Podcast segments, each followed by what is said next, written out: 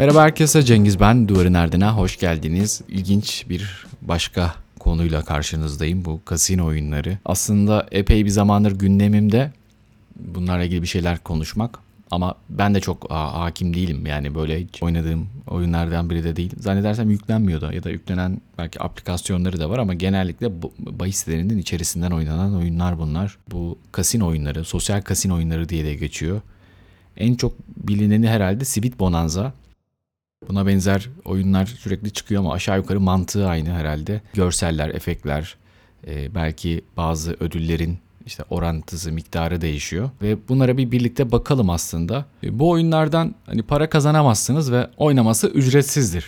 Ta ki ücretsiz olmayana kadar. Yani sosyal kazino oyunları ödeme için değil sadece eğlence için kumar oynadığınız web siteleri veya telefon uygulamalarıdır. Popüler oyunlar arasında bingo, poker ve slotlar bulunur. Slot gibi bir oyunda belirli sayıda ücretsiz bir e, sanal jeton veriyorlar size ve en başta aslında siz bunu hani böyle kumar oyunu hani kumarın nasıl diyeyim simülasyon oyunu gibi değerlendiriyorsunuz. İnsanlar çünkü merak ediyor böyle oyunları. Kıbrıs'ta ne oluyor işte büyük kumarhanelerde nasıl oynanıyor falan filan. Bu tarz şeyler aslında ilgi çekici. Tabii bu sanal jetonu babasının hayrına vermiyor.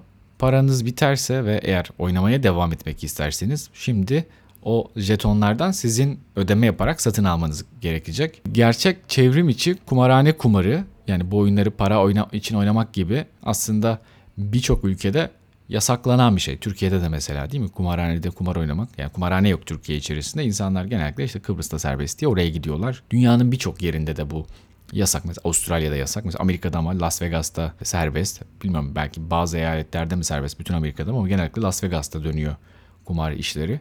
Şimdi Türkiye'de de bu çok tartışılan bir konu. Hani kumarhaneye izin vermek mi, vermemek mi hangisi daha mantıklı?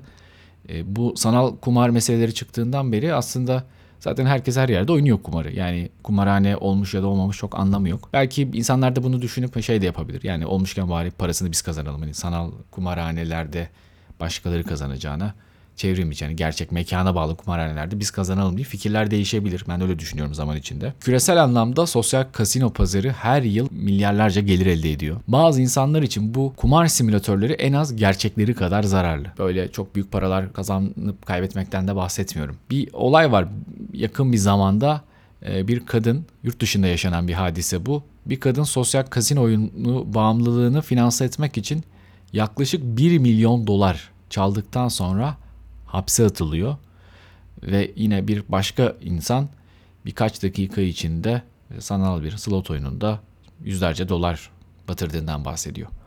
Yani aslında bu oyunlarda teknik olarak gerçek bir şey kazanamazsınız ve paranızı çekemezsiniz. Peki insanlar bunlara nasıl bağımlı hale geliyor? Normal kumar mantığından bile farklı. Yani parayı çekemiyorsunuz. Ama galiba çekilenler de var. Ben çok hakim değilim ama içeride jetonlar birikiyor ve tekrar oynuyorsunuz, tekrar oynuyorsunuz. Böyle bir durumda hani çoğunda çekemediğimizi ve çoğunlukla para kazanamadığımızı düşündüğümüz bir yerde insanlar neden bu kadar bu işte sweet bonanzalara bilmem nelere bu kadar böyle düştü? Her yerde, her köşede insanlar bunlarla oynuyor. Bunu araştıran insanlar aslında şunu söylüyor. Bence de öyle. Burada mesele para değil.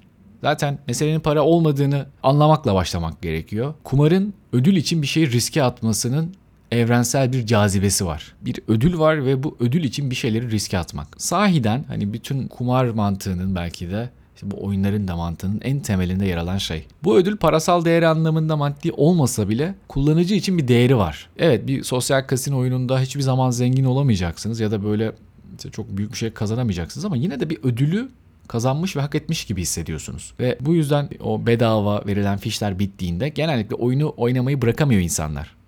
Bazıları tabii ki yani belki çoğunluğu da e, diyelim ki sadece sanal fişleriyle oynayıp işte bedava verilenler sonrasında bunu bırakıyor. Oyunların atmosferine baktığımızda bu oyun aplikasyonları, mobil aplikasyonlar ya da işte oyun siteleri tasarlamak çok da moda aslında son zamanlarda. Bu oyunlar böyle ışıklar ve seslerle gerçek bir kumar ortamına çok benziyor. Yani size neredeyse aynı dopamin patlamasını yaratıyor. Ve insanların almak için para ödediği şey de bu. Yani bu deneyimi aslında insanlar satın almak istiyor.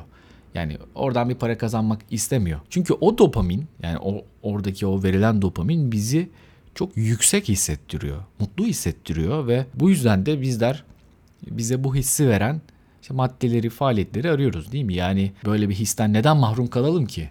Madem böyle bir şey var ve işte bu elimizin altındaki bir telefonla yapabileceğimiz bir şey. Neden bunu yapmayalım? Keyifli bir şey yaşadığımızda, işte çikolata yediğimizde, seks yaptığımızda, bir arkadaşımızla alkol aldığımızda, böyle işte çok ne bileyim tehlikeli, riskli bir faaliyete katıldığımızda beynimizin ödül yolakları kimyasal anlamda dopamini salgılıyor.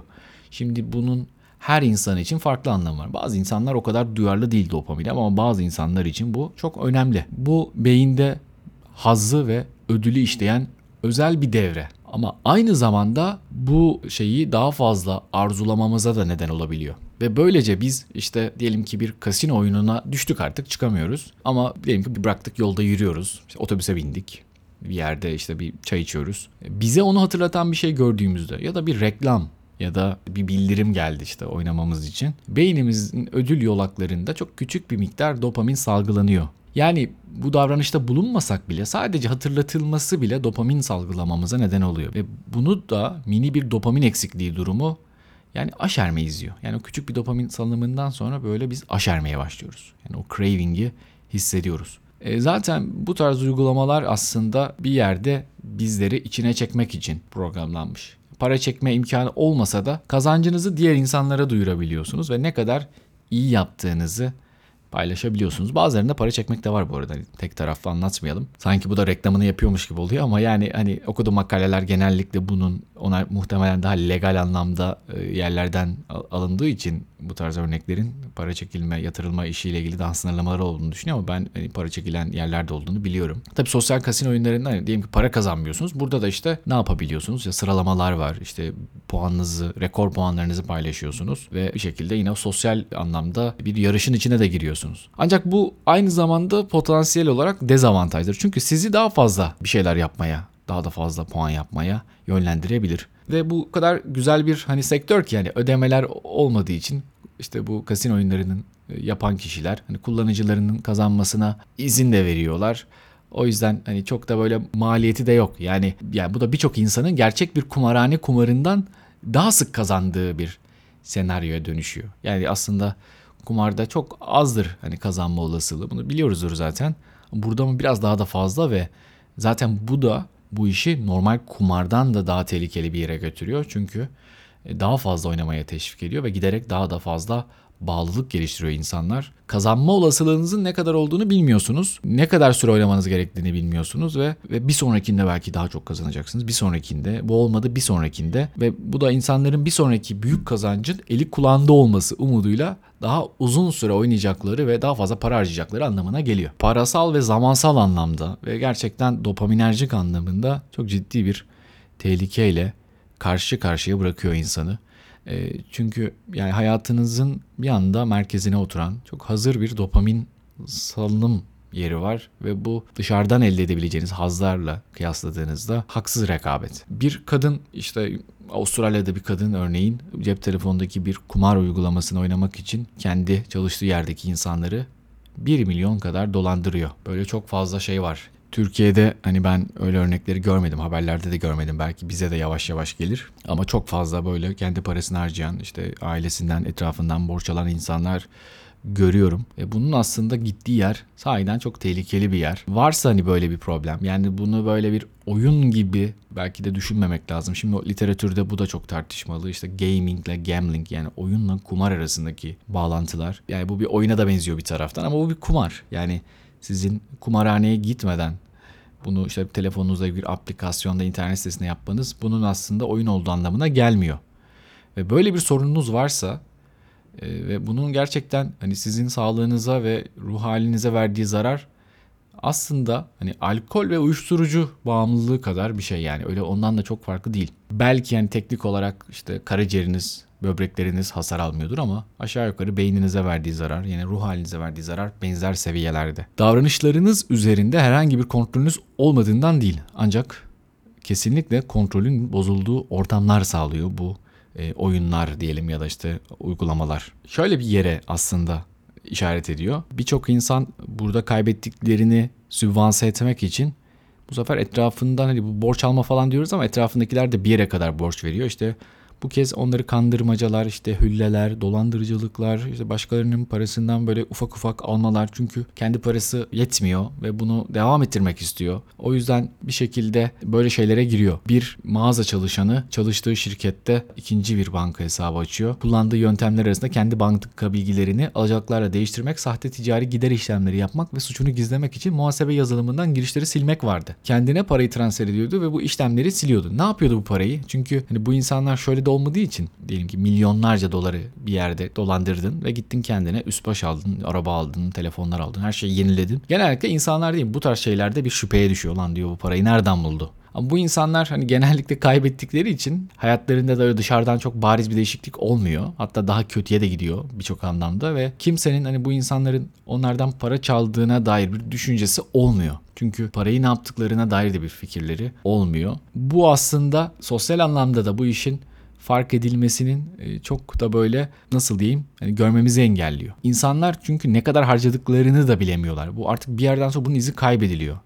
Ve kendi imkanlarının ötesinde harcamalar yapıyor. Ve hani geri dönüş olmayan bir faaliyet için bu kadar zaman ve para harcamak aslında çok da mantıklı değil. Bu cazibe sahiden parasal bir şeyle alakalı değil. İnsanlar kazanma duygusunun peşinden gidiyorlar. Ve bunu yine şöyle bir yerden düşünmek mümkün. Şimdi sosyal hayatta, işte iş yaşamında herkes o kazanma hazzına nasıl diyeyim kolayca erişemiyor. Belki sizin yaptığınız iş, bulunduğunuz yer bir şekilde kazanma hazzını deneyimleyebildiğiniz bir atmosferi size sağlıyor. Ama herkes için bu geçerli değil ve ilk defa belki de böyle bir kazanma arzusuyla tanışan birisi için bu çok da böyle kolay vazgeçilecek bir şey olmuyor. Ve bunu bir şekilde devam ettiriyor, devam ettiriyor ve artık böyle bir e, arzuyu tekrar yakalamak için yaptığı bir şeye dönüşüyor. Yani mesele burada para kazanmak ya da işte kumar oynamak değil. Şimdi bu da tartışmalı. Bazı insanlar için diyorlar ki bu tür oyunlara bağımlı hale gelenler için kısmen geçmişlerinde yaşadıkları travmatik deneyimleri engellemek içindir. Bir anlamda kaçınma davranışı olabilir. Hatta bazı insanlar bu deneyimleri sırasında ne olduğunu bile hatırlamıyorlar. İşte ne kadar para harcadım, nasıl gitti, nasıl kaybettim hatırlamıyorum bile. Çünkü çok ciddi anlamda böyle neredeyse amnezik bir durumdan bahsediyorlar. Böyle disosiye olma anlarından bahsedenler var.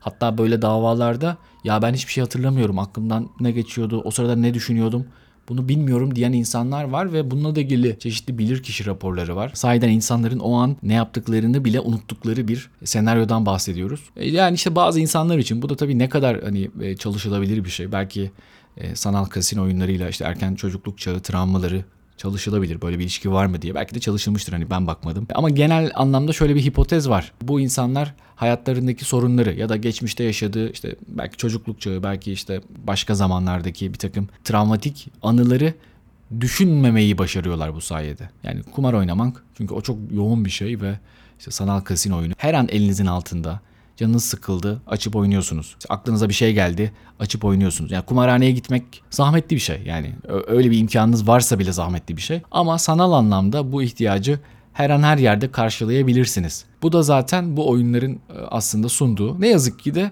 geçici bir çözüm. Yani sadece geçici bir çözüm. Hani bununla ilgili herhalde ne yapılabilir? Ee, insanlar destek alabilir. Bu desteği istemek tabii çok kolay olmuyor. Pek çok insan için aslında yapabileceği en iyi şey belki de dürüst olmak. Yani ailesine, etrafına dürüst olmak. Çünkü e, dürüst olmazsanız bu yardım e, süreci başlamaz. Yani siz bunu saklarsanız zaten çok da anlaşılabilecek bir şey değil. İşler giderek kötü bir noktaya varabilir. Bu anlamda biraz daha böyle işte dürüstlüğü öne çıkarmak ve buradaki yardım isteğini güçlü bir şekilde dile getirmek önemli. Tekrar hani bir şöyle bakarsak bu oyunlar yani bu sanal kasino oyunları gerçek parayla oynanmadan ortaya çıkan bu sanal kasino oyunları gerçek gerçek parayla oynanıyor. insanlar para yüklüyor. Nasıl oluyor da bağımlılık yapıcı etkiye sahip oluyor? Bunlardan bir tanesi aralıklı takviye. Şimdi bu oyunlardaki ödüllerin öngörülemeyen doğası oyuncuların geri gelmesini sağlar. Tıpkı slot makinelerinde olduğu gibi oyuncular bir kez kaybeder ancak daha sonra büyük bir kazanç elde ederek daha fazla oynama arzusunu pekiştirebilir. Bunu e, hep söylerim kumarla ilgili. Kazanmak çoğu kez kaybetmekten daha tehlikeli. Kazandığınız zaman ortaya çıkan o dopaminerjik deşarj çoğu kez bu isteği daha da güçlendiriyor. Yani bir şey dileyeceksem bu alandaki zorluk yaşayan insanlarla için her zaman kaybetmeleridir. Çünkü kazanmak bunun bağımlılık riskini daha fazla arttırıyor. Ha, kaybetmek kötü bir şey gibi düşünüyorsunuz ama sonuçta uzun vadede zaten kaybedeceğiniz için baştan kaybedin. Sosyal doğrulama bu oyunlar hani genellikle sosyal medya ile de entegre olduğu için oyuncuların başarılarını paylaşmasına, arkadaşları rekabet etmesine, oyunla ilgili hediyeler göndermelerini almalarına olanak sağlıyor. Bu oyunlar genellikle sosyal medya ile entegre olarak oyuncuların başarılarını paylaşmalarına, arkadaşlarıyla rekabet etmelerine ve oyunla ilgili hediyeler göndermelerine hatta almalarına da olanak tanıyor. Ve bu da aslında sosyal etkileşim ve tanınma açısından da son derece tatmin edici olabilir. Bu anlamda da önemli. Sosyal anlamda da bir yeri var. Kontrol yanılsaması. Şimdi pek çok şey için söylenebilir bir şey. Oyuncular genellikle oyun temelde şansa dayalı olsa bile eylemlerine veya stratejilerine bağlı olarak sonuç üzerinde bir dereceye kadar kontrol sahibi olduklarını hissederler. Bu inançları kazanmaya çok yakın olduklarını düşünerek daha uzun süre oynamalarını sağlayabilir. Yani işte şimdi olacak, işte şimdi kazanacağım. Tamam şimdi olmadı ama bunda bu sefer olacak gibi. Bence en önemlisi kaçmak. Yani günlük yaşamın stresinden, rutininden kaçmak ve buraya sığınmak sosyal kasino oyunları için en önemli açıklamalardan birisi. Kendini renkli, dinamik bir sanal kumarhaneye kaptırmak bir rahatlama ve dikkati dağıtma biçimi olabilir. Bu anlamda e, önemli. Bu FOMO yani bu FOMO'yu biliyorsunuz işte bir şeyi böyle kaçırma kaybetme korkusu. Zaman sınırlı özel etkinlikler, bonuslar veya zorluklar aciliyet hissi yaratabilir. Oyuncular ödülleri kaçırmaktan veya akranlarının gerisinde kalmaktan korkabilir ve bu da onları daha sık oynamaya itebilir. E, bağış etkisi var bir de. Oyuncular e, oyuna zaman, çaba ve hatta gerçek para işte bu uygulama içi satın almalar şeklinde para yatırdıklarında oyuna daha fazla değer vermeye başlıyorlar ve sahipleniyorlar oyunu. Onlar için o onların böyle bir e, sığındıkları bir yer. Böyle ara sıra gittikleri, keyif aldıkları, eğlendikleri bir yer. Ve bu da oyunu bırakma olasılıklarını azaltıyor ve, ve oynamaya devam etme olasılıklarını ciddi anlamda artırıyor. Kayıptan kaçınma tabii ki kaybetme serisinin ardından oyuncular gerçek dünyada bir değeri olmasa bile kaybettikleri sanal para birimini hatta o statüyü geri kazanmak için de oynamaya devam etmek zorunda kalıyorlar. Bu biraz daha az bir ihtimal ama bu da yine sanal kasino oyunlarının bağımlılık yapıcı etkilerinden bir tanesi. Yine bence en önemli şeylerden birisi bunların 7-24 ulaşılabilir olması. Gece uyandınız, canınız sıkılıyor, yapacak hiçbir şey yok. Onu yapabilirsiniz. Yani bu gecenin üçünde tek başınıza yapabileceğiniz ve size çok keyif verebilecek bir şey olabilir. Ve bu anlamda da zaten bu süreklilik 7-24 ulaşılabilirlik ciddi sıkıntılara yol açıyor. E tabii ki bu parlak grafikler, heyecan verici sesler, kazanma sırasındaki görsel efektler böyle patlıyor falan değil mi? Böyle Sweet Bonanza'da böyle bir şey pat pat pat pat patlıyor bir şeyler oluyor. Oradan bir şeyler parlıyor, sesler, alkışlar falan filan. İnsan böyle canı çekiyor. Bu neymiş ya böyle ben bunu patlatayım falan filan. İşte her oyunun tabii mantığı üzere işte bazı ilerleme sistemleri işte birçok oyunda oyuncuları devam eden, oyun için ödüllendiren daha fazla ilerleme ve daha fazlasını başarma isteği uyandıran seviyeler, zorluklar veya çeşitli ilerleme sistemleri vardır. Bunlar tabii genel anlamda oyun pratiğiyle alakalı şeyler. Bu sosyal kasino oyunları bence ciddi bir mesele. Yani bu yakında ben söyleyeyim size bir halk sağlığı problemi olarak böyle hükümetin bir belki de politikası haline gelecektir. Tabii bunun aslında arkasında işte kimler para kazanıyor, nasıl şeyler dönüyor bunu da bilmiyorum. Hani belki bilmiyorum ülkenin ekonomisiyle alakalı göz yumulan bir tarafı da olabilir. Burada kimin para kazandığı önemli herhalde. O yüzden ne zaman buna müdahale edilir bilmiyorum. Ama bir şekilde buna müdahale edilebilir mi? Ondan da emin değilim çünkü ya işte bu VPN'le bilmem neyle herkes her yerde oynayabiliyor. Yani bununla ilgili daha bilgilendirici olunabilir. Biraz daha farkındalık artabilir. Yoksa evet internetin olduğu bir yerde internet üzerinden oynanan bir oyunu ya da bir uygulamayı engellemek hiçbir zaman sonuç vermedi. Ama yine de bir farkındalık yaratmak adına bir şeyler yapılabilir diye düşünüyorum. Belki ailelere diyelim ki bu oyunları oynayan işte bir çocukları var ya da işte eşi falan bu oyunu oynuyor. Onlara daha müsamahalı yaklaşmaları için bazı öneriler verilebilir. Çünkü bu sahiden hani herhangi bir kumar bağımlılığından çok farklı değil. Ve bu işte oyunu oynayan bir kişiyi bir anda elinden bunu aldığınızda işte yapma dediğinizde bir de bırak onu dediğinizde bir anda böyle irritable bir halde işte bir öfke patlaması, sinirlenme, işte kötü bir söz söyleme, fiziksel bir şiddet gösterebilir. E, Yani bunu belki de akılda tutmak lazım. O yüzden hani bilmeden kendi kendinize bir şeyler yapmak yerine belki profesyonel bir destekle ya da işte çeşitli dayanışma gruplarıyla. Türkiye'de tabii atsız alkolikler, işte atsız narkotikler var. Ben ama atsız kumarbazlar bilmiyorum öyle bir şey var mı? Vardır herhalde arasanız bulun- bulunur. Atsız alkolikler çok iyi işliyor. Onu biliyorum Türkiye'de. Atsız narkotikleri birkaç kez hayal meyal hatırlıyorum temas kurduğumu. Evet buraya kadar dinlediğiniz için çok teşekkür ederim. Kendinize iyi bakın. Hoşçakalın.